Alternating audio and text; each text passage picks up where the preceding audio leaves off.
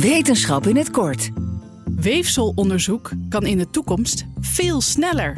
Als artsen vermoeden dat iemand bijvoorbeeld kanker heeft, dan nemen ze een beetje weefsel van hem af. En vervolgens wordt dat weefsel naar de patholoog gestuurd om te onderzoeken. Maar voordat de patholoog daarmee aan de slag kan, moet het weefsel bewerkt worden. En die bewerking duurt nu 24 uur. Een volledig etmaal zitten arts en patiënt te wachten. Medisch natuurkundige van de VU, Laura van Huizen, heeft ontdekt dat dit proces veel sneller kan.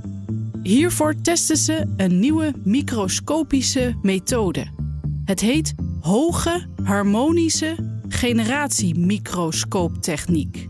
Met deze techniek kan een stukje weefsel binnen 7 minuten beoordeeld worden. Hierdoor hoeven de patiënten veel minder lang te wachten. En als het afgenomen weefsel ongeschikt blijkt te zijn, dan kan de patholoog dat veel sneller aangeven. Dit bespaart heel veel tijd en maakt het diagnoseproces daardoor ook veel goedkoper.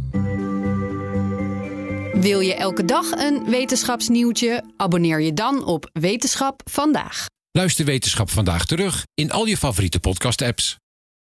Business Booster. Hey ondernemer, KPN heeft nu Business Boosters. Deals die jouw bedrijf echt vooruit helpen. Zoals nu, zakelijk tv en internet, inclusief narrowcasting... de eerste 9 maanden voor maar 30 euro per maand. Beleef het EK samen met je klanten in de hoogste kwaliteit.